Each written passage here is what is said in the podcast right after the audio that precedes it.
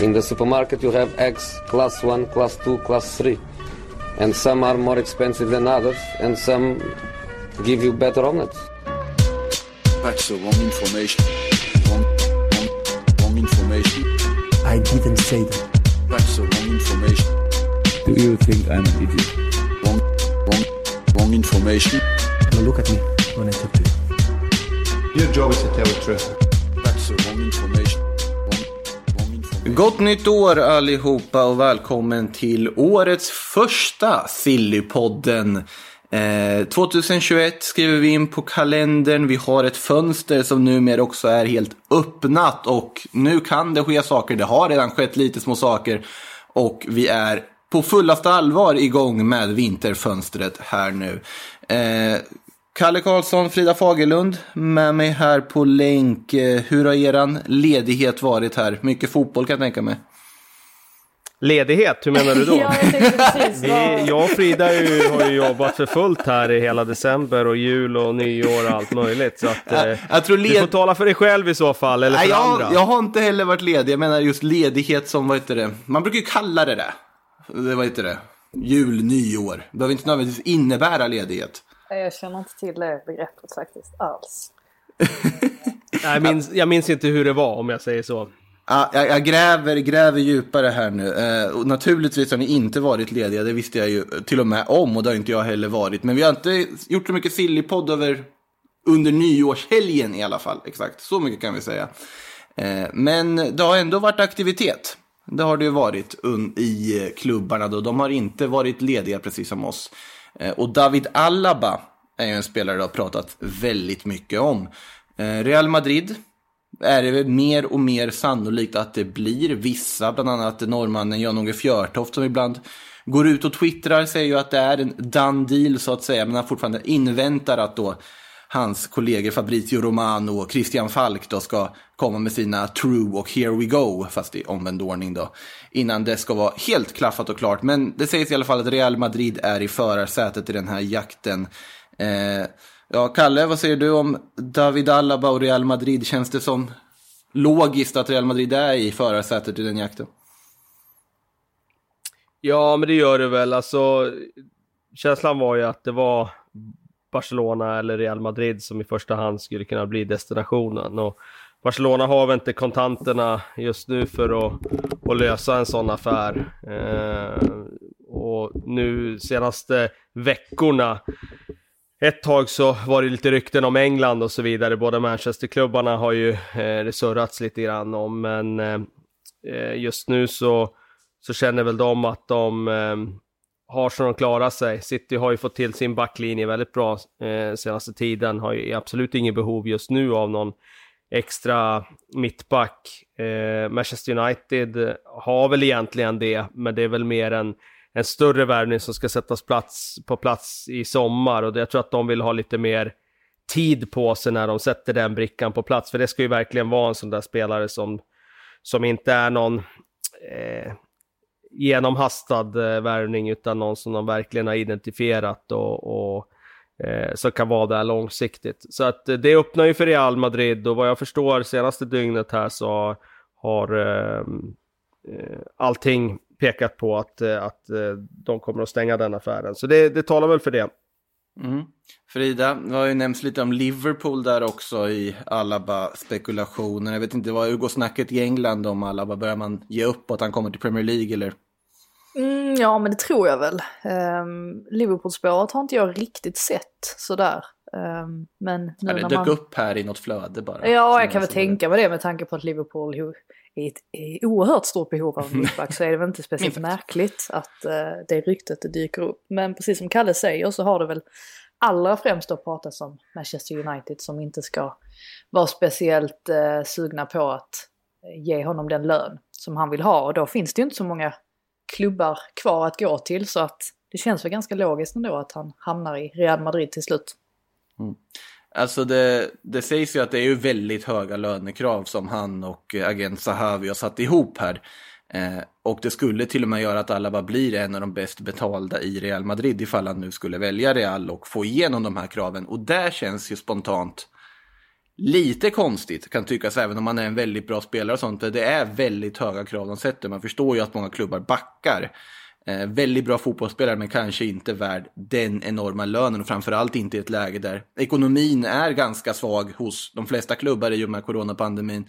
Men visst verkar det som att det blir oavsett David Alaba till Real Madrid förr eller senare, sannolikt då först i sommar när kontraktet går ut då på en fri transfer.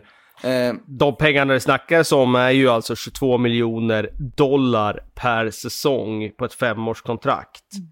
Eh, och sen eh, snackas det då om att Sahivi, eh, Sahavi, förlåt, eh, agenten då, kommer att plocka ungefär runt dryga 20 miljoner dollar i agentfee. Det är en ganska bra peng får man ju säga. För att gå in och skriva lite papper kring den där dealen. Eh, men det är ju ett risktagande, det är ingen snack om det alltså. Det är, eh, det är inga problem om man är världsklass där under fyra av de fem åren. Nej. Men om man inte presterar och sitter på en så hög lön, då kommer det bli ett jätteproblem. Man ska, man ska nog eh, inte underskatta heller vad en sån grej kan göra för ett omklädningsrum. Eh, där det kanske finns många spelare som anser att de förtjänar högre lön än honom då om han skulle få igenom den höga lönen. Eh, det vet man aldrig hur det kan påverka heller ju. nej, precis. långsiktigt. Det har ju redan börjat bubbla lite där. Vi kommer till det i Real Madrid, för det finns ju vissa kontraktssituationer där som är av intresse att följa. Så det blir lite Real här i inledningen av eh, podden. Kan ju också vara för att det är där jag har haft mest koll på när jag varit i en skidbubbla. Men Sergio Ramos sitter ju redan i Real Madrid och det vet ju alla vem det är. Mittback, lagkapten, fortfarande kanske den absolut viktigaste spelaren i det här Real Madrid. Och hans kontrakt är ju utgående och det är ju inte heller förlängt. Det brukar alltid bli en sån här historia så fort Sergio Ramos har ett kontrakt som ska sluta. Då ska det lönen upp, han ska ha intresse från alla möjliga klubbar och så vidare. Enligt ESPN ska ju Manchester City visat väldigt stort intresse och även Paris Saint-Germain har ju nämnts då i ryktesvängarna. Och det kom ju lite intressanta uppgifter här från Spanien, eh, El Chiringuito, det här ganska vilt höftskjutande programmet ibland på spansk tv. Om ni är i Spanien kan jag rekommendera att eh, på sen kväll gå in och titta på det. Det är ganska underhållande även om det är ganska stökigt och inte alltid helt korrekt. Eh, men programledaren där, Josep Pedrerol, har i alla fall, han har vissa ingångar i Real. Och han har ju då sagt att Ramos då haft ett möte med Florentino Perez här innan nyår angående just det här kontraktläget där då Ramos sagt att men PSG är intresserade av mig. Och att de har sagt till mig att vi har planerat att ta in både dig och Messi till nästa sommar så du får spela med honom. Eh, vad säger vi om Sergio Ramos? Är det här spel för gallerierna som det brukar vara eller kan det vara aktuellt att han faktiskt lämnar i sommar? Alltså man vet ju aldrig med Ramos. Han har ju använt den här taktiken så, Mm. så tydligt tidigare. Och eh, det är så himla svårt att bedöma kring honom. Men du har ju själv eh, Madrid-kopplingar höll jag på att säga. Vad, vad är din magkänsla kring honom? Är det att han vill ha ett nytt äventyr till slut nu efter alla framgångar och år i Madrid? Eller är det att han vill avsluta karriären där? Alltså, han är nog en typ av spelare som vill ha ett nytt äventyr någon gång, men jag vet inte om det är än. Och det beror lite på vad det är för kontraktsförlängning. Det är ju det klassiska om de vill förlänga med ett år och Ramos vill ha två. Och jag tycker Ja, att i fallet Sergio Ramos, som han fortfarande levererar, tycker jag ett tvåårskontrakt är, det är inget att snacka om att han ska ha. För att det är fortfarande, även om han är till åren, så är det fortfarande en otroligt viktig spelare på alla sätt och vis. Och man har ju märkt hur vilsen Rafael Varane är så fort Ramos inte är där.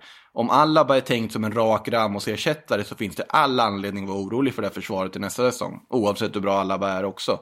För det är ju inte i grunden en mittback, ska vi komma ihåg, när det kommer till David Alaba. Det är inte den samma ledargestalt och den typ som Ramos är. För Ramos är inte bara en bra försvarare, utan han väcker ju igång laget när det behövs också. Sen tror jag garanterat att varenda toppklubb i världen är intresserad av att plocka honom om de kan göra det. Och naturligtvis ska PSG, kan de ha lockat med att ja, men vi har tänkt att ta in Lionel Messi också, för det är väl deras intresse. City är ju samma sak egentligen, att de vill ju också ha Messi. Uh, uh, Ja, jag tänkte bara, nej men jag, jag tror nog att vi kan våga slå ner det här Messi, äh, inte Messi-ryktet, Ramos-ryktet till Manchester City.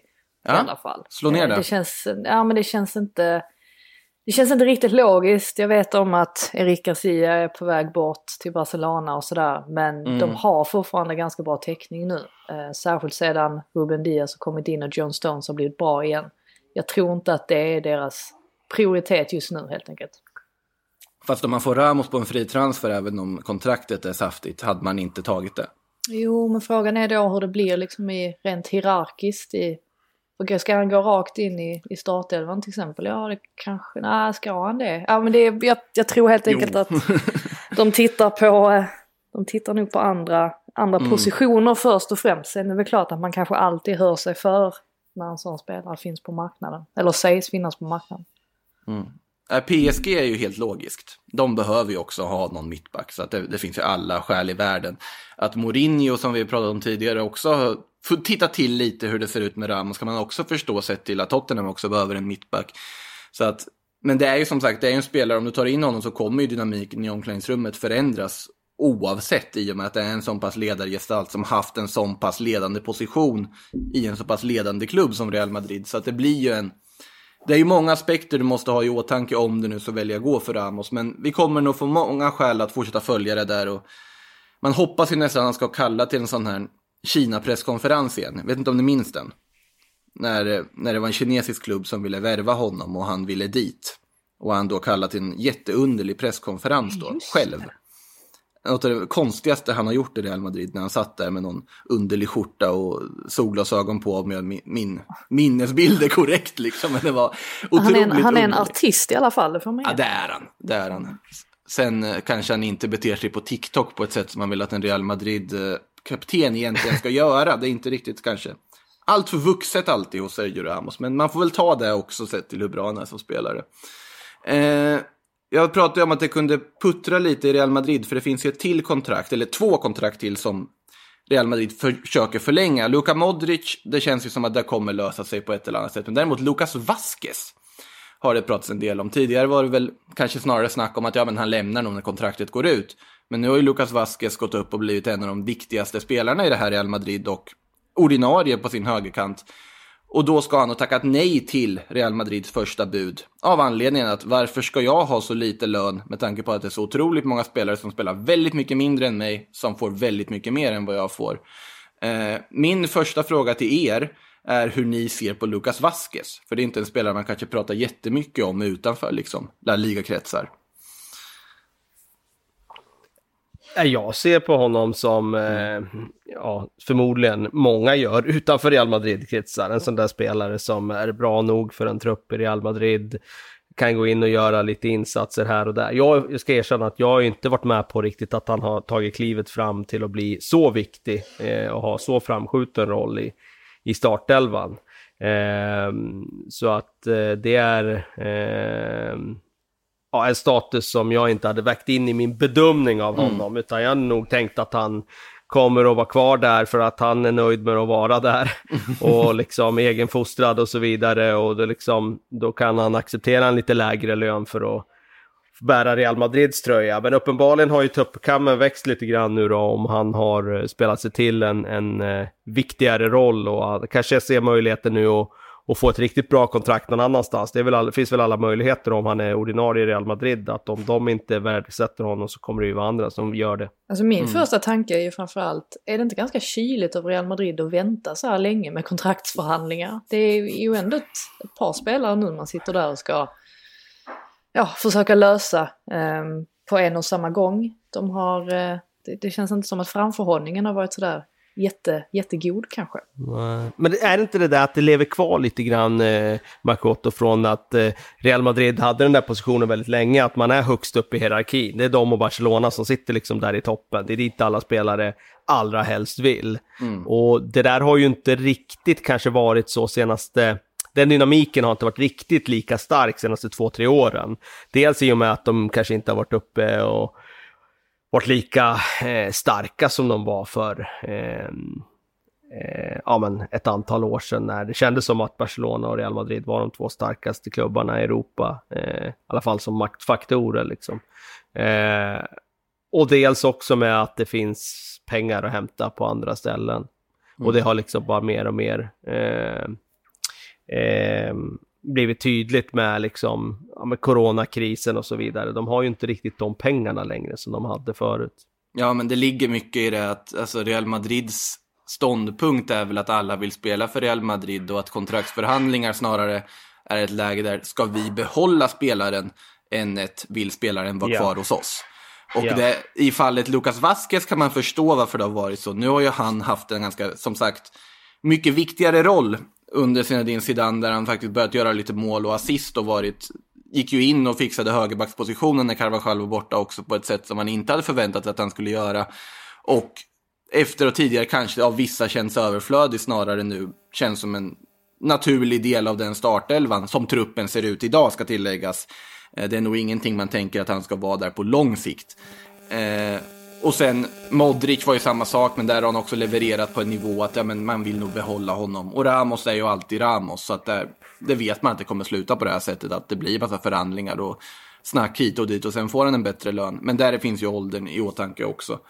Men angående Vasquez så han har ju klivit upp från att inte bara vara en spansk Jesse Lingard, en sån här spelare som man tror är mycket yngre än vad han egentligen är. Eh, nu är han ju faktiskt en spelare som bidrar väldigt mycket för Real Madrid på alla sätt och vis. Så att det känns också som att ge honom den lön han ska ha, bara av den truppnyttan som han kommer göra även under fortsatta säsonger. Eh, även om han snart närmar sig 30-strecket, Lucas Vasquez. Det tror man inte, men det gör han. Eh, vidare till England. Där är det lite kärvt för Frank Lampards Chelsea för tillfället. Eh, kan man väl lugnt konstatera. Förlust här mot City senast med 3-1 och det börjar puttras i de brittiska medierna om diverse ersättare. Jag såg eh, Andrei Shevchenko, den gamle anfallaren, dök upp där i någon ryktessväng. Thomas Tuchel, han är ju arbetslös och såklart han ska dyka upp också. Frida, vad, vad tror du om hela Lampard-historien? Är det mycket snack och i slutändan kanske ganska lite verkstad, eller? Alltså jag tror att det är skönt för Frank i alla fall att Mauricio Pochettino har fått ett nytt jobb så att han är ute ur, eh, ut ur den här eh, leken. Eh, det är ju ingen hemlighet att eh, Chelseas ledning har eh, ja, beundrat Pochettino under en väldigt lång tid och hade nog inte tackat nej ändå om det hade funnits en, om, om det hade visat sig att man tvingades gå skilda vägar med Lampard eh, och plocka in honom istället. Men eh, så kan det ju inte bli nu i alla fall. Jag tror väl att Lampard säkert kommer ges ännu mer tid. Han har ju redan getts långt mer tid än vad man kan tänka sig att möjligtvis andra tränare eh, i Chelsea skulle ha fått.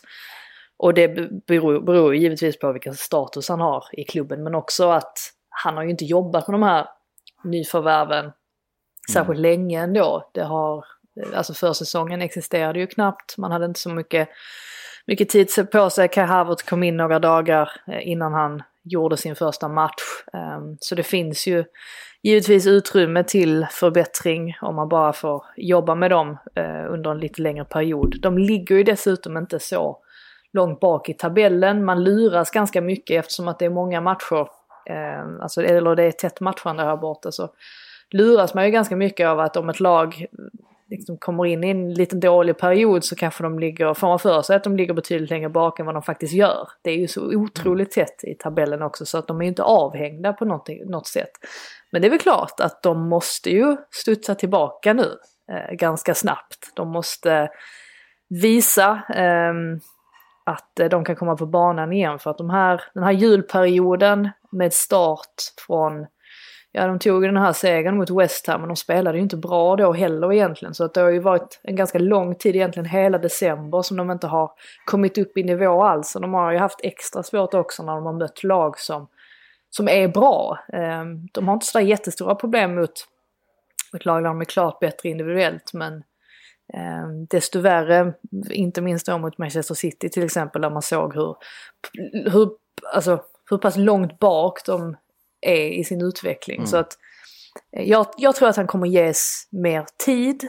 ehm, men skulle det se likadant ut om låt säga en, en, en månad, då eh, betvivlar jag inte att Abramovic och resten av ledningen, att de är tillräckligt handlingskraftiga. Jag tror inte att de kommer vänta lika länge som exempelvis United har gjort med Solskjaer som har gett honom ganska många chanser det senaste året. Jag tror inte att vi är riktigt där. Samtidigt så, Ehm, ja, jag tycker väl att man borde ge honom en, en chans att, eh, att ändra detta på, på längre sikt också. Jag, jag tycker liksom inte att de alternativen som finns, alltså Tuchel är en jättebra tränare och allt sådär, men jag, jag vet inte om det är värt egentligen att göra en sån förändring. Utan ge honom lite mer tid och försök få rätt på det igen. Kalle, är du inne på samma spår angående Lampard?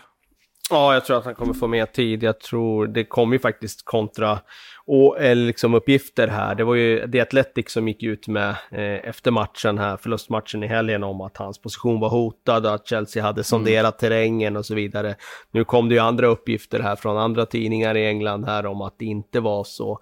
Eh, man vet, det är ju väldigt svårt att eh, sortera däremellan vad ja. som stämmer och vad som inte stämmer och det är lite definitionsfråga också ibland. Eh, vad är att kolla runt så att säga.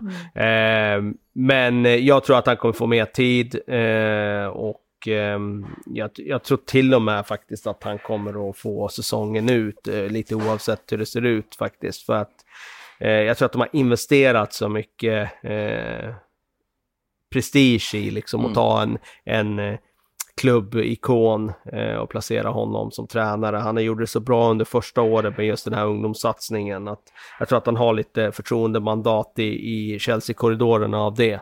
Självklart så kommer det ju eh, det var bekymmersamt om de, om de fortsätter spela som de har gjort de senaste veckorna. Men jag tror att han har möjlighet att eh, vända den skutan. Han har så pass bra material att eh, det borde gå att göra det betydligt bättre. Och jag tror att alla klubbar kommer hamna i vissa svackor den här säsongen. Så att jag, jag ser framför mig att han kör säsongen ut i Chelsea i alla fall. Och det här, det här Diafletic, alltså deras uppgifter, de fick ju dem alltså långt innan matchen mot Manchester City. Så att det, det får man ju också eh, det får man också förstå att den här tajmingen när de publicerar den artikeln precis efter slutsignal, då är det ju att de har fått reda på att ja, skulle det vara så att det blir förlust mot Manchester City, då kanske man liksom i alla fall ser till att man har en eventuell eh, backup, alltså att man hör sig för med, med andra mm. alternativ. Så att man får väl ta det lite också med en nypa salt. Det är klart att alla klubbar egentligen som eh, ja, alltså som är i den storleken som Chelsea är, bör väl egentligen ha en plan B utifall att. Alltså det tror jag väl att alla klubbar gör, att man har någon sorts tanke om, ja om det här inte skulle funka, vad gör vi då? Det vore ju konstigt annars. Eh, men ja, jag tror väl också, jag tror dessutom att om en månad kan vi sitta och prata om ett helt annat lag här och en tränare som ligger och riset på det. Då kanske Solskjaer ligger och riset på det igen. Det går så mm. snabbt mm. den här säsongen. Ja, ja, ja, ja, Man hinner knappt ja, med. Men jag tror om de skulle byta, låt säga att de skulle ja. byta, nu tar vi fram i sommar eller så. Eh, då tror jag ju att Chelsea snarare kommer gå på Torshäll snarare än någon före detta spelare. Jag tror ja. att den pendeln kan svänga tillbaka igen. Nu har det varit en trend med att man går på lite klubbikoner och så vidare. Det är Zidane Real Madrid, det är Pirlo Juventus, det är Solskär, det är Lampard. Jag tror att den, om, om de här inte presterar nu, då tror jag att den pendeln kan svänga tillbaka. Mm. Att man går då på lite mer, i alla fall de här största klubbarna, vi pratar om största klubbarna nu. Ja. Att de går på lite mer beprövade tränarnamn, typ Torshäll eller någon sån av de här riktiga premiumtränarna som har varit i de största klubbarna. Mm. Julian Nagelsmann är någon sån här, den här nytänkande tyska ah, tränarskolan. Precis. Marco Rose. Det finns ju många, många bra tyska tränare som inte kanske har den största spelarerfarenheten som kan vara intressanta då. Eh, men Lampard sitter i alla fall där och som sagt nästa vecka så pratar vi med någon annan tränare. För att eh, som sagt det är tre poäng bakom, Arsenal är tre poäng bakom Chelsea nu såg jag i tabellen också. Arteta han var ju helt körd tydligen, sa ju alla innan. Men det, det, det får man äta upp. De har lyft sig igen. Kommer lite till Arsenal om en stund här också. Eh, men först tänkte jag att vi skulle kila över till Milano, kommer hoppa lite här runt om i Europa som att det vore EM 2021 här. Men Christian Eriksen, han sitter ju där i Inter, tappar hår, besviken på tillvaron, går inget bra. Eh, finns ju ganska mycket lag som dock uppges vara intresserade i alla fall. Ska Italia bombardera ut att Wolves och Ajax har hört sig för. Eh, Wolves vet man inte hur mycket de har hört sig för, ska väl tilläggas, mer än att de kanske sa hej till en agent.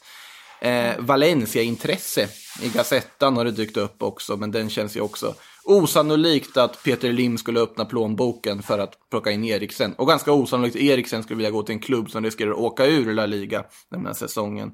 Eh, Frida, har du hört någonting om Eriksen där borta från öarna?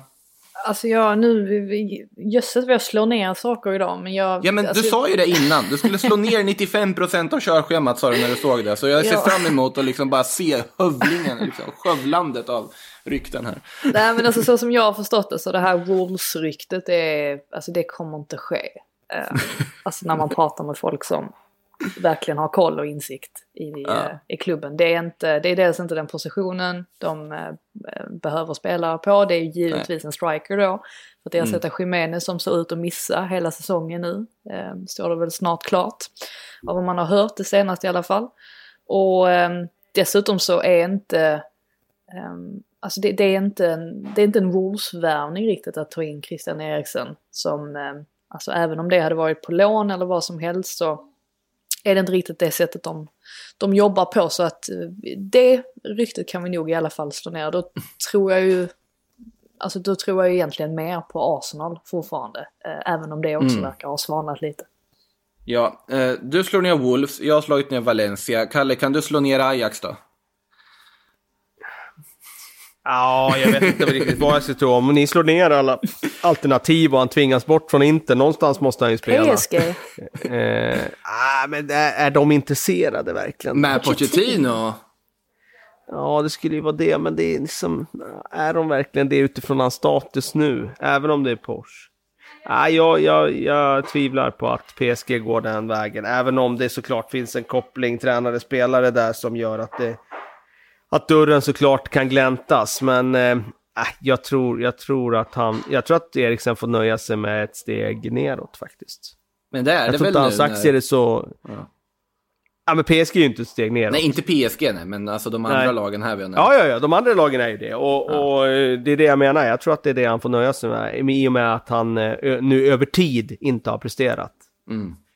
Nej, det, som sagt, Real Madrid, Barcelona, vi pratar ju inte sådana klubbar någon mer och då, då är det väl Valencia som plötsligt dyker upp och sånt. Ajax känns kanske mest logiskt av de här tre, en klubban har Har varit de pengarna Valencia då? I. Ja, Valencia, men Valencia borde ju, ja, de sägs ju inte ha några pengar och det enda de gör är att sälja spelare och försöka att medvetet åka ur ner till segundan. Det är ungefär så den klubben sköts för tillfället.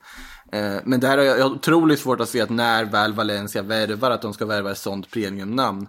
Här har vi dessutom problemet också att Inter vill ju helst sälja.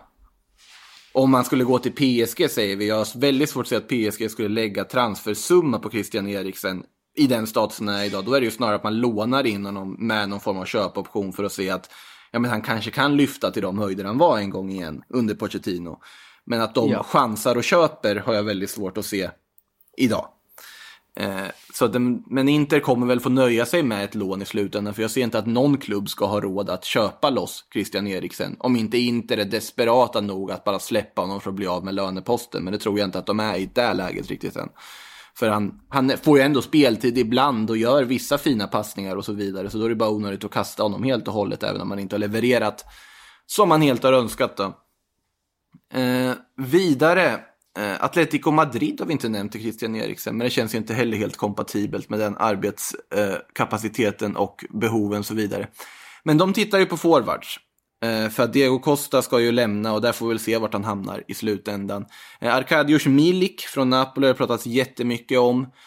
Men däremot sägs det också att Miliks prislapp är lite för dyr för Atletico för att Napoli vill ha 15 miljoner euro för en spelare vars kontrakt går ut om sex månader. Och det är inte en summa som Atletico är villiga att betala och ganska andra klubbar inte heller är villiga att betala i ett januarifönster. Utan då väntar man hellre ut och plockar honom gratis till sommaren.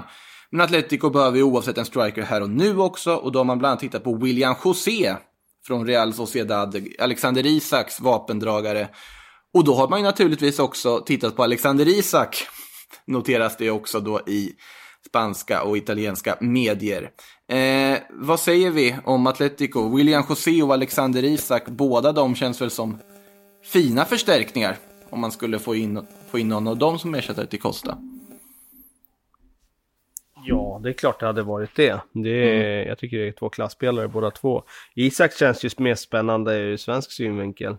Såklart. Ja. Eh, samtidigt kan man ju tycka att det vore ännu mer eh, kittlande om han hamnade i någon av de klubbarna som har nämnts tidigare. Eh, alltså att han skulle få chansen i, jag menar jag tycker, tror inte det är omöjligt. Jag menar om, om eh, Barcelona springer runt med Brathwaite på topp liksom. Alltså, varför skulle inte då eh, de kunna liksom köpa en framtidsspelare som Isak? Eh, eh, men eh, med det sagt, de, de som eh, var aktuella nu var Atletico och det är klart att båda de här spelarna tror jag skulle kunna vara bra ur på olika sätt för Atletico. William José som, som en ja, bra gedigen anfallare, färdig. Eh, Mm. Isak lite mer utvecklingsprojekt som, eh, som skulle kunna slå och bli eh, en sån där ny superförsäljning som de har gjort sig kända för att göra tidigare. Alltså båda potentiella övergångarna är ju bra för Alexander Isak också. Att om William Ja, José, om, William. José flyttar Ja, till. Atletico. Så Ja, då är det även om man inte har levererat riktigt som man gjorde första säsongen här hittills. Nu ska vi komma ihåg att det var ungefär i den här tidsperioden förra året som Isak var som absolut bäst i Real Sociedad i sin första säsong. Och att han kanske inte var liksom 100 under hösten även i debutsäsongen. Vi får väl se hur han levererar nu när matchschemat blir tajtare här och det kommer mycket och kupper ska spelas och alltihopa vad Alexander Isak kan göra nu efter en lite svagare höst. Om William José då säljs av, Real Sociedad kommer ju säkert hämta någon form av ersättare, men det kommer ju åtminstone innebära att Isak har väldigt mycket mer speltid. Och annars, komma till Atletico Madrid i den statusen Atletico Madrid är idag, det, det är någonting man unnar varje spelare, för det är en klubb som ändå känns som att de mår väldigt, väldigt bra just nu. Eh, så det ska bli intressant att se vad Atletico gör eh, där.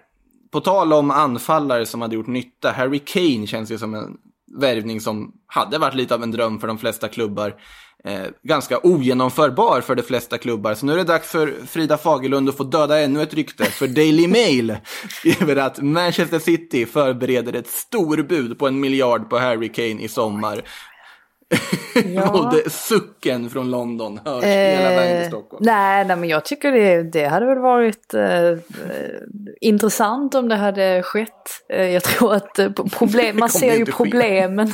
Man ser ju problemen här mer än man ser eh, möjligheterna. Eh, självklart är ju Harry Kane en av ligans absolut bästa spelare. Det är en spelare som City behöver. Eh, Och som säkerligen hade gjort otroligt mycket nytta där. Så att att de skulle visa intresse det har, har jag ingen tvekan om. Det gjorde ju Manchester United väldigt länge också och gör väl det fortfarande till viss del. Säkerligen. Problemen är väl lite att... Alltså vad är det? Ja, vad är det Manchester City kan erbjuda just nu som Tottenham inte kan? Ja, mer pengar antagligen. Ehm, de, ehm, det sägs ju att Spurs diskuterar en kontraktsförlängning med Kane. Men de allra senaste rapporterna från folk som, man, som jag vet liksom har bra insyn är att det inte pågår några förhandlingar just nu och att Spurs ehm, förväntas vänta med allt sånt där ehm, till lite längre fram just på grund av den ekonomiska situationen och att de vill utvärdera den först innan de går vidare med den typen av, av grejer. Det kan ju hänga lite på hur den här säsongen slutar också kanske. Eh, eller kanske, det, så är det väl antagligen. Eh, alltså Harry Kane har ju varit på väg bort för och har väl har inte stängt dörren för att han skulle lämna Tottenham. Men då måste det ju vara till en klubb som kan erbjuda någonting som Tottenham inte kan erbjuda. Och då har vi ju dels pengaaspekten, men såklart även om alltså, vart Tottenham landar i tabellen, om det blir på en CL-plats eller EL-plats. Ehm, så att jag vet inte, det, men jag tar det här ryktet med en stor nypa salt, men konstaterar att det är inte konstigt att Harry Kane fortfarande ryktas bort. Det kommer vi nog prata mycket om i sommar också. Det känns ju som, det man har sagt det förut, men eh, Tottenhams placering den här säsongen kommer ju vara otroligt viktig utifrån ja, Harry Kane, hur han ser Utifrån på... allt egentligen. Ja, ja, utifrån allt. Utifrån Mourinhos status, deras riktning som klubb och sådär. Men just också med Harry Kane, att han är ju den där åldern nu, Kane, att ska han göra en riktigt stor övergång så är det ju den här åldern man gör den. Eh, och eh, då är det ju såklart jätteviktigt att Tottenham då har i alla fall åtminstone kontakt med toppen i, i ligan. Eh, helst på en av Champions League-platserna, men eh, eh, är de utanför där, det är klart att han skulle kunna, sånt där kan gå snabbt liksom, att saker och ting vänds eh, av utomstående faktorer och saker som händer på resans gång här under våren och sådär. Att han bara får för sig plötsligt att, nej men jag vill faktiskt vinna de största titlarna. Och det har större chans att göra i, i en klubb som Manchester City eller vad det nu är. Eh, så att eh, jag ska inte helt utesluta det och då säger jag inte att det är troligt utan mer sådär, man kan inte aldrig utesluta att det kan gå snabbt i svängarna liksom. Saker och ting kan förbytas Så är det. till en helt annan situation. Frågan är väl- relationer kan, kan bli frostiga och så vidare Mm. också.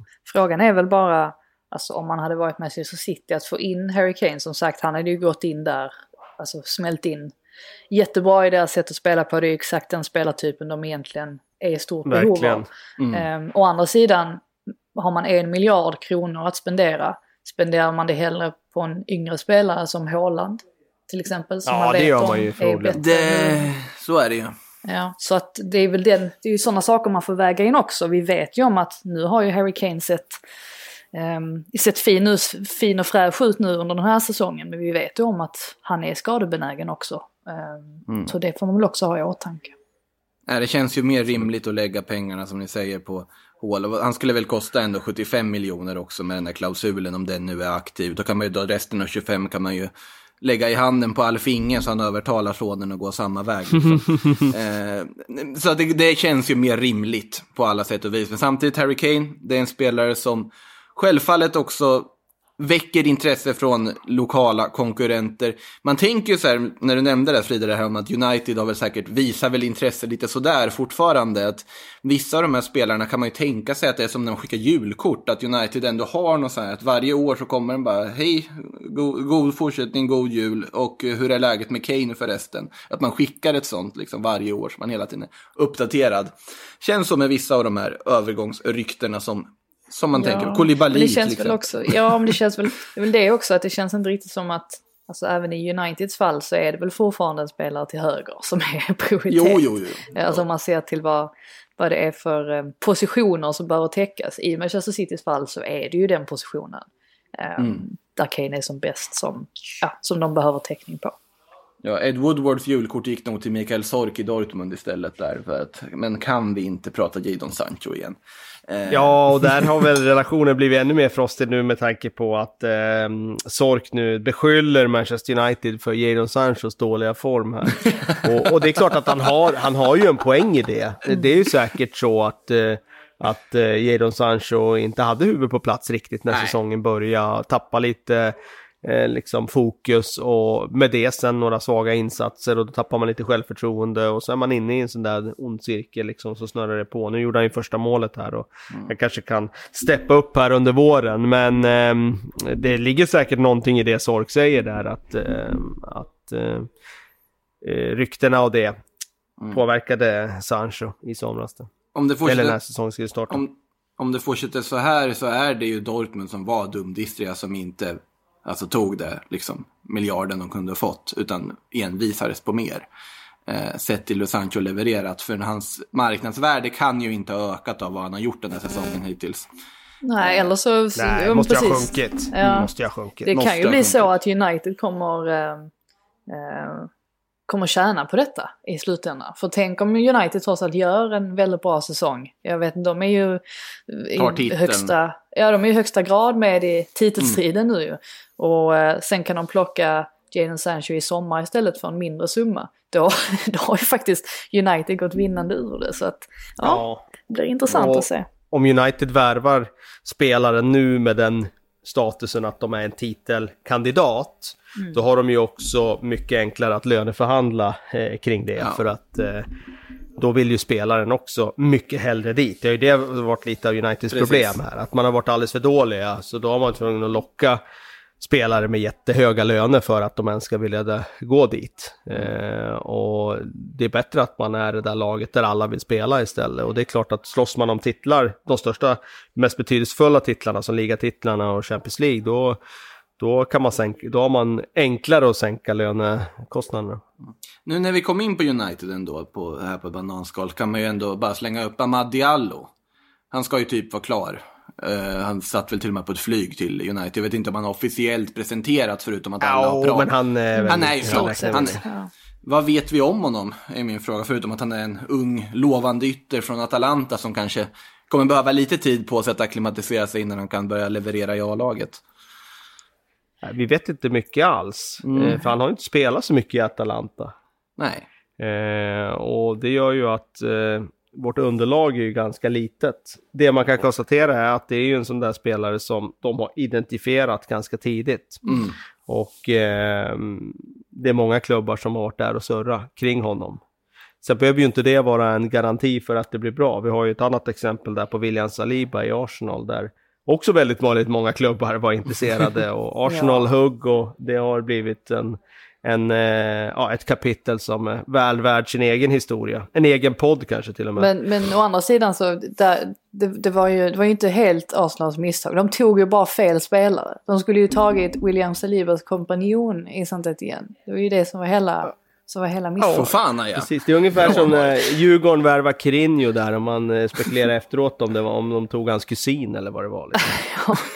Ehm, I eh, Dialogfallet så är det ju ehm, intressant ändå för att United har ju fått väldigt mycket kritik för sin eh, rekryteringsstrategi. Eh, strategi. och det är ju den man försöker ändra på nu genom att plocka in honom tidigt, alltså en ung lovande spelare. Det är liksom en del av, ehm, ja men som både ett sätt som både Solskär vill arbeta på när man rekryterar spelare, men också som ska bli mer hållbart i längden. Så att det är ju intressant att se att de försöker och börjar komma på banan eh, egentligen. Alltså, annars tidigare år har vi ju skrattat rätt gott åt Uniteds eh, sätt att köpa spelare på för det har inte alltid varit helt lyckat. Men, eh, Men det är också för att de betalar så mycket överpriser. För om man tar, tar en sån som Martial, honom tar de ju det är ju den, den typen av värvning. De tar en spelare innan han har slagit igenom. Eh, han är ung. En han är bra väldigt värvning lovande. skulle jag säga men, sammantaget. Ja, jo, men det är ju bara det att när den värvningen görs så är det ju ett fruktansvärt överpris. Ja. Eh, alltså just där och då så är det ju, jag kommer ihåg, det var, föranledde väl till och med Simon Bank att liksom skriva en krönika om de liksom absurda eh, övergångssummorna. Och just där och då kändes det som det var en sån där obscen summa för en tonåring. Eh, och ehm, sen har det ju visat sig att han har varit väldigt, eh, liksom, eh, han har väldigt mycket i sig och summan är inte omotiverad sett till vad han har nått för nivå. Men eh, jag, tror liksom, jag tror att de har nog jobbat lite grann på det där sättet, inte tillräckligt mycket så, men de har nog gjort det, bara det att det blir överskuggat av att när de värvar den typen av spelare, då kostar de så jäkla mycket pengar. Ta Fred liksom, hade de värvat han för 100 miljoner drygt liksom, då hade man tänkt att ja, det var en ganska smart värvning. Men nu kostar han mycket, mycket mer än så och då blir det som att man tänker, vad, vad gör de för någonting?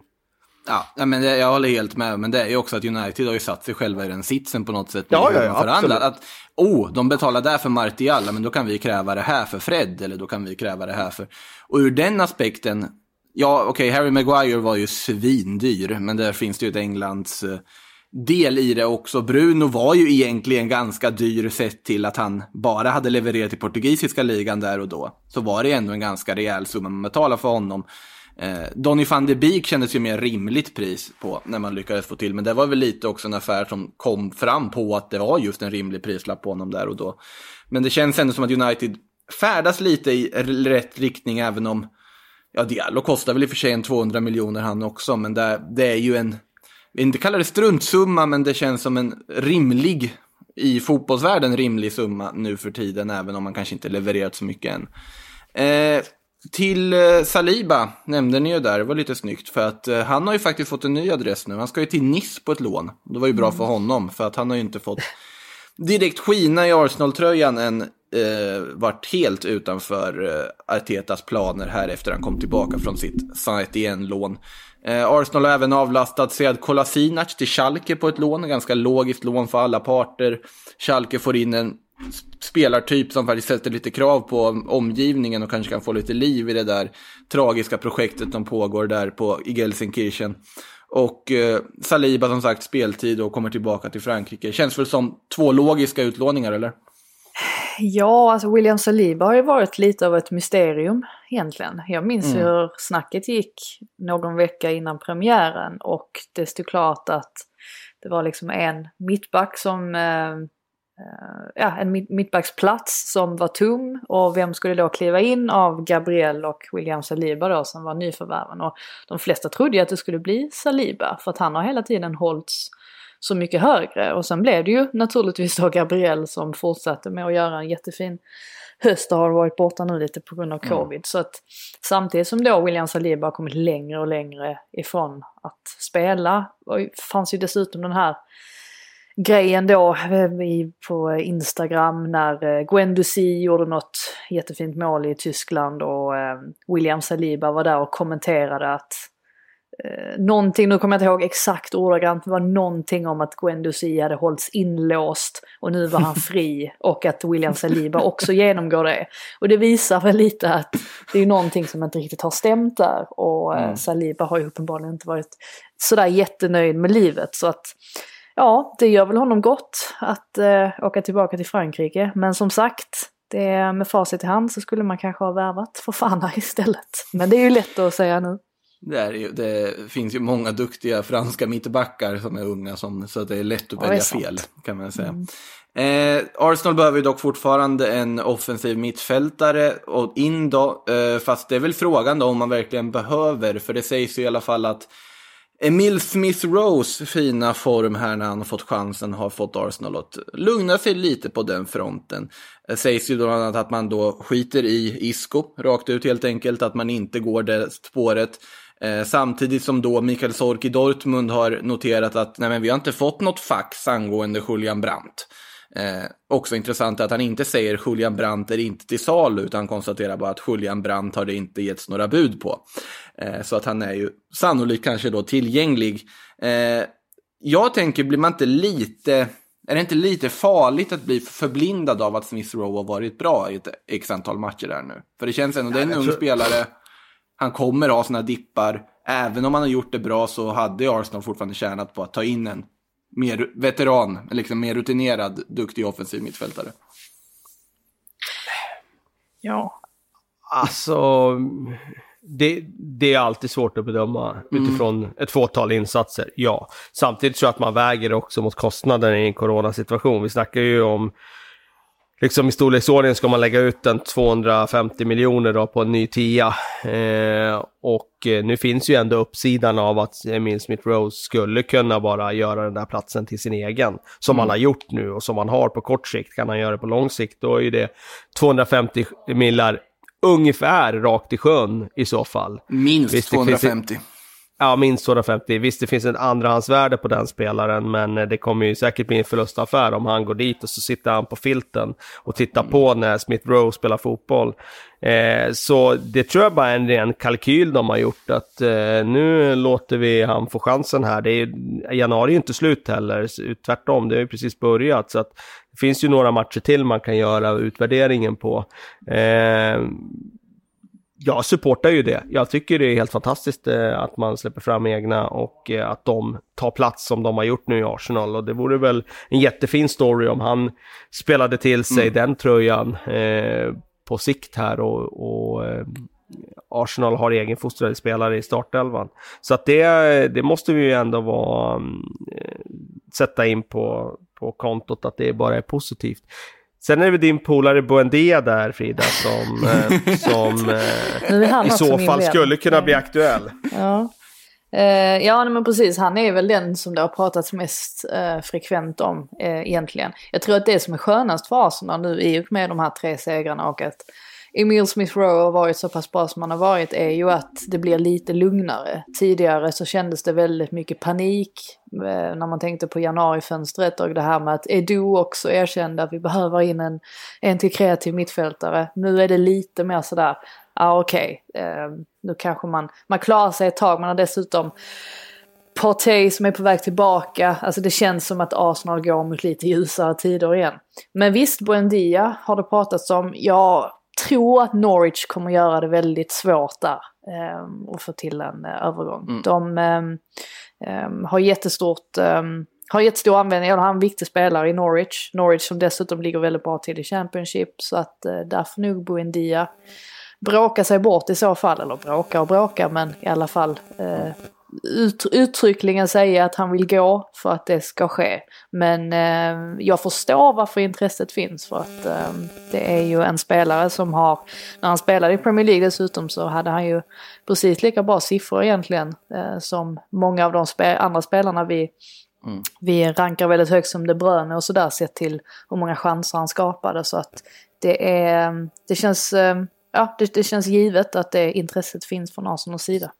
Det säger, är väl i och för sig så att även, jag läste det någonstans, att både Cantwell och Max Aaron som det också pratas om är väl att Norwich vill ju behålla dem för att verkligen ta sig upp i Premier League igen här nu. Att man Ja, inte ja, de har en såklart. jättemöjlighet att göra det och jag, jag ser inte varför de skulle släppa nu Mm. faktiskt. Eh, visst pengarna, men de har ju redan sålt spelare. Mm. Men inte jättebehov av pengar och de kan nog trissa det där budet på en Buendia ganska högt då i så fall. Om de ska sälja, då säljer de kanske bort sin chans att nå Premier League. Eh, Varför skulle de göra det? Precis. Jag menar, det, Det är där snackar vi ju en miljard. De får ju mer pengar för- Eller mer, mer än Ja. en miljard i intäkter.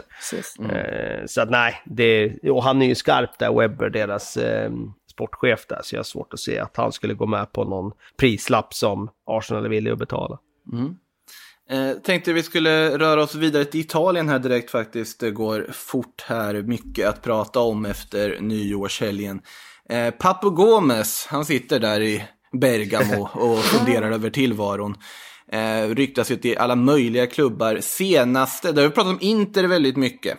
Har det väl varit tidigare, att ja, Inter ska vara jättenära, han ska välja Inter och allt vad det är. Men eh, Di Marzio, den gamle silliguren, har dykt upp här och sagt att Juventus är väl det enda laget som är aktuellt här och nu för Papu Gomes. Och detta då samtidigt som det har funnits lite kopplingar för Federico Bernadeschi, som nu sannolikt kommer lämna Juventus, om inte i vinter så sannolikt nästa sommar med Kulusevski och Chiesa och allt vad det är framför sig. Eh, att han då kanske skulle kunna gå till Atalanta i motsatt riktning. Om vi börjar med Papu, eh, visst känns väl det som en värvning som ändå hade passat Juventus ganska bra i det här läget. Få in lite kreativitet där. Ja, men det tror jag. De har ju eh, inte sett så bra ut den här säsongen. Nej, det Eh, var de inte direkt. Och eh, de... Eh, det känns som att de behöver mer individuell kvalitet, framförallt när det gäller just det kreativa. För att systemet i sig har ju inte gett... Har ju inte gjort så att spelarna har kommit i bättre positioner och bättre lägen, utan det känns som att de nu behöver väldigt mycket individuell kvalitet för att avgöra matcher. Och jag är inte riktigt säker på Pirlo än så länge. Eh, han har mer att bevisa, så att eh, det här kanske är quick fix för att lösa den här säsongen. Ja, för att så pass bra eh, kreatör är ju Papo att skulle han spela där i hålet bakom två forwards så skulle ju han servera dem på löpande band. Så är det ju. Kanske inte Och de har ju rätt bra avslutare. Får de bara chansen att avsluta så, så kommer ju Ronaldo och company göra mål. Ja, precis. Eh, Det känns ju inte som en jätterolig transferryktesnyhet för Kulusevski kanske att höra att Papu Gomez är på väg in till det här laget. Eh, men om man tittar på Juventus som lag och vad som har varit bäst för dem så naturligtvis, med tanke på den ekonomiska situationen, att de inte har så mycket pengar och inte kan gå för de här premiumnamnen, så är Papu Gomes, som är tillgänglig i det här läget, en av Serie A's absolut bästa offensiva mittfältare. Jag tycker att det är solklar värvning för dem. Men Juventus fortsätter likväl att titta på target forward, för det gillar ju de att göra. Även om de fick in Alvaro Morata här i sommarfönstret. Och då är det ju Fernando Llorente, kopplas ju naturligtvis fortfarande till Juventus. Men även Olivier Giroud. Och där är en ren gissning att nu är det dags för att ta fram eh, macheten och börja hugga ner rykten för Frida här igen. För Giroud ska väl inte röra sig från Chelsea, eller? Ja fast det, det vet man.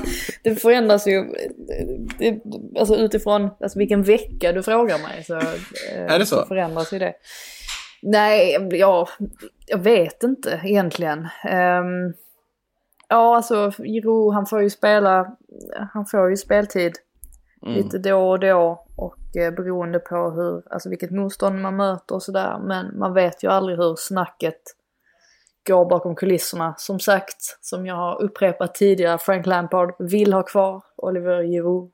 Ehm, så jag tror att bara han får spela lite då och då, eller han får spela tillräckligt för att komma med i EM i sommar så tror jag inte att han är så desperat kring att lämna. Men det är klart, dyker det upp ett förslag som han har svårt att, han har svårt att tacka nej till. ehm, Så kanske han kan övertala Chelsea att gå med på det också. Men ehm, jag vet inte, det, jag tror ändå att Giroud förstår att han, har, att han spelar en viktig roll i Chelsea. ehm, någonstans. Så att, ja, vi får se.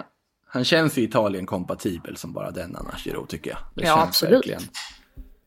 Jag såg, eh, det ryktades ju även om Graciano Pelle. Ja, Eh, han är fri nu. Mera i Kina huserar ju han. Eh, och eh, det var ju eh, förvånande att de är nere på den hyllan och, letar. Visst, men det är ju en jättebra targetspelare och han har kvaliteter i boxen, absolut. Men det är ändå Juventus vi pratar om. Och Pelle var ju het där en höstisa 15, men det är väl en sex år sedan eller någonting i den stilen. Så att, eh, att han skulle vara aktuell idag för Juventus efter sitt Kina-äventyr, ja, det, det säger väl något om Juventus i så fall tror jag. Ja, fast Juventus är ju som sagt, jag har varit, sagt det väldigt många gånger och fått eh, lite mothugg ibland också. Men att Juventus har ju kommit undan något otroligt milt i liksom den här allmänna kritiken om vad de håller på med. I och med att Barcelona har imploderat. För att det Juventus har gjort med att alltså nedmontera sin sportsliga verksamhet under den sportsliga ledningen de har nu med att ta in Pirlo, det, det var jättekonstigt till att börja med. Kan jag tycka, hur stor klubbikon han än var så hade han tio dagars sammanlagd tränarerfarenhet från ungdomslag när han fick det här A-lagskontraktet från ingenstans. De har en, bara värvningen, Morata, ja han har gjort nytta, men bara att betala, lägga den, att ta det lånet desperat med den enormt höga köpoptionen som ligger i det, otroligt underlig affär. Weston McKennie, ja han har varit jätteduktig och visat sig vara nyttig för Juventus, men det är inte heller spelare från den hyllan som man är van vid Juventus ska plocka spelare från. Och jag säger samma sak egentligen om Rabiot, Aaron Ramsey, Danilo till viss del när han kom in som någon sorts plus Valenza-byte där för Cancelo. Juventus mår inte bra på något sätt i hur de agerar och jag är inte ett dugg förvånad att Graziano Pelle kopplas till dem, för det känns som att de inte riktigt vet vart de är på väg, men vi får väl se. Nu har vi ju också på plan inte vetat vart de är på väg riktigt den här säsongen, men jag tycker det finns anledning att oroa sig för Juventus i alla fall. Eh, vidare då till, eh, innan vi går till lyssnarfrågor måste vi bara nämna att John Guidetti ryktas i Real Zaragoza. Jag säger kör, det är ju en större klubb än Alaves i grunden, även om de är i sekunden och är dåliga så om det går, hoppas det löser sig. Jag har varit riktigt häftig att se Guidetti på La Romareda. Eh, så frågor sa vi att vi skulle ha också. Eh, Giovanni frågar, Ricky Push, han måste väl röra på sig, i alla fall Ja, ett lån. Ricky Push! Ricky Push. Eh, ja, han pratar vi gärna om. Jag har ju sagt att eh, Barcelonas väg framåt är ju att ge den typen av spelare chansen Ja. nu när de ska bygga om istället för att hålla på med sina andra strapatser. Eh, men det är ju klart att den typen av spelare, om de inte får chansen, då är, han är ju för bra för att sitta där och häcka och förlora tid. Så att eh, då finns ju risken att han tittar någon annanstans. Jag vet inte vilken, du har ju säkert koll på det Makoto, vilken annan spansk klubb som skulle kunna ha nytta av honom och som skulle kunna vara realistisk. Ja, alltså, jag sitter ju och tänker nu, för att det senaste när det kommer till Barcelona-talanger som ska lånas ut är Carles Alenia. För där ska det ju vara så att man är ganska måna om att få en låneövergång till Getafe. För han har inte heller ingått i eh, Komans planer överhuvudtaget. Också en speltyp som hade gjort väldigt mycket nytta tror jag i Barcelona egentligen. Eh, och Getafe ska väl även plocka in Takefusa Kubo och befria honom från hans lånehelvete i Villarreal. Eh, men annars så är det ju många klubbar som såklart skulle ha nytta av den typen av spelare. Alltså en spontan tanke utan någon närmare fundering eller förberedelse är ju Real Betis. Alltså sett till Ja. hur de vill spela fotboll, som få in honom på det inne mittfältet hade nog inte varit helt dumt på något sätt. Men för hans egen utveckling kanske ändå liksom längre ner i hierarkin i, i liksom, eller i tabellstegen. Alltså om det inte vore för att det är totalt kaos där så hade jag ju faktiskt sagt Valencia. Alltså för det där är precis den speltypen de inte har. De har ju ingen bra innermittfältare.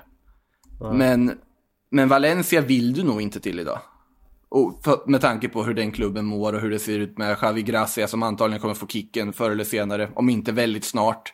Eh, efter nytt poängtapp här nu senast mot Cadiz och nedflyttningsplats snart då. Eh, så att det är väl något, en klubb på undre halvan för Push. Men någonting måste han ju få göra för att det håller ju inte det som händer i Barcelona för honom. Eh, Joel frågar, vilken Bundesliga-klubb tar Balogun i sommar? Eh, min gissning... Jag gissar på att han Balogun. Balogun? Kanske? Ja, Balogun. Balogun, ah, han är amerikan. Jag tänkte på... Balogun. Jag tänkte på den här gamla, hette inte han också Balogun? Nigerianske mittbacken. Leon Balogun. Alltså det är säkert, det är säkert rätt. Jag, jag kör ju bara på det alltså inhemska här. Fast han är ju amerikan så Balogun borde ju vara rätt där. Men, Ja. men första som kommer upp i mitt huvud är ju han eh, tysk-nigerianska veteranen som nu för tiden spelar i Rangers ser jag här efter en snabb googling. Det visste jag inte. Eh, men det är ju inte han han menar antar utan det är nog då Arsenals yngling. Vad säger vi? Går han, till, går han till Bundesliga? Ja, alltså det är väl, det har ju varit mycket snack om honom under hela säsongen egentligen för att de har ju suttit i en eh, knivig kontraktssituation där. Eh, han fick ju komma in, var det, ja, det var i andra halvlek mot Manchester City i ligacupen va, som han kom in och såg väldigt fin ut. Det var, väl, det var säkert där och då som Arteta bestämde sig också för att satsa lite mer på de yngre, alltså Emil Smith Rowe då, eh, inte minst. Men jag tyckte att Badogan, att han såg Ehm, att han ser väldigt fin ut också. Sen är ju eh, alltså konkurrensen på just den positionen där i centralt är ju, den är ju ändå tajt där med Lacazette och Aubameyang då. Ehm, och Enketia dessutom då som finns. Så att det, det är klart att um, en utlåning där är ju uh, väldigt rimlig om det är så att han stannar kvar um, i uh, Arsenal. Mm. Eh, no Name frågar vad tror ni om detta och eh, länkar då en tweet som berättar att Brighton mittfältare Jason Molambi och framförallt då svenska anfallaren Viktor Gyökeres får lite låneintresse från Preston och Malmö FF. Och om inte du har något speciellt att säga om Molambis påstådda lån till Preston så kan vi väl gå direkt på Gyökeres här. Eh, Malmö FF-lån där känns ju, alltså det känns ju jättebra för alla parter.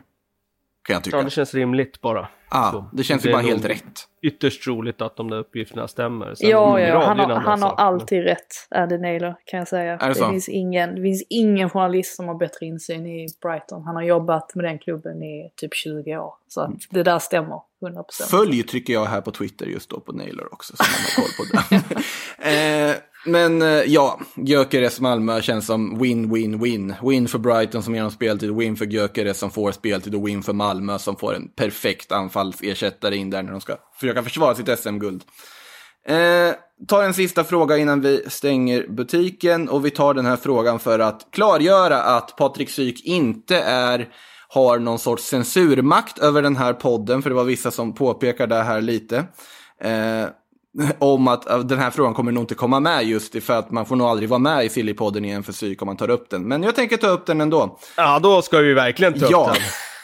Vem kan Liverpool tänkas värva på högerbacken nu när alla insett vilken bluff Trent Ja, Alexander-Arnold okej. Jag visste inte vilken fråga det var, men ja, okej, det var om Trent alltså. Ja, okej.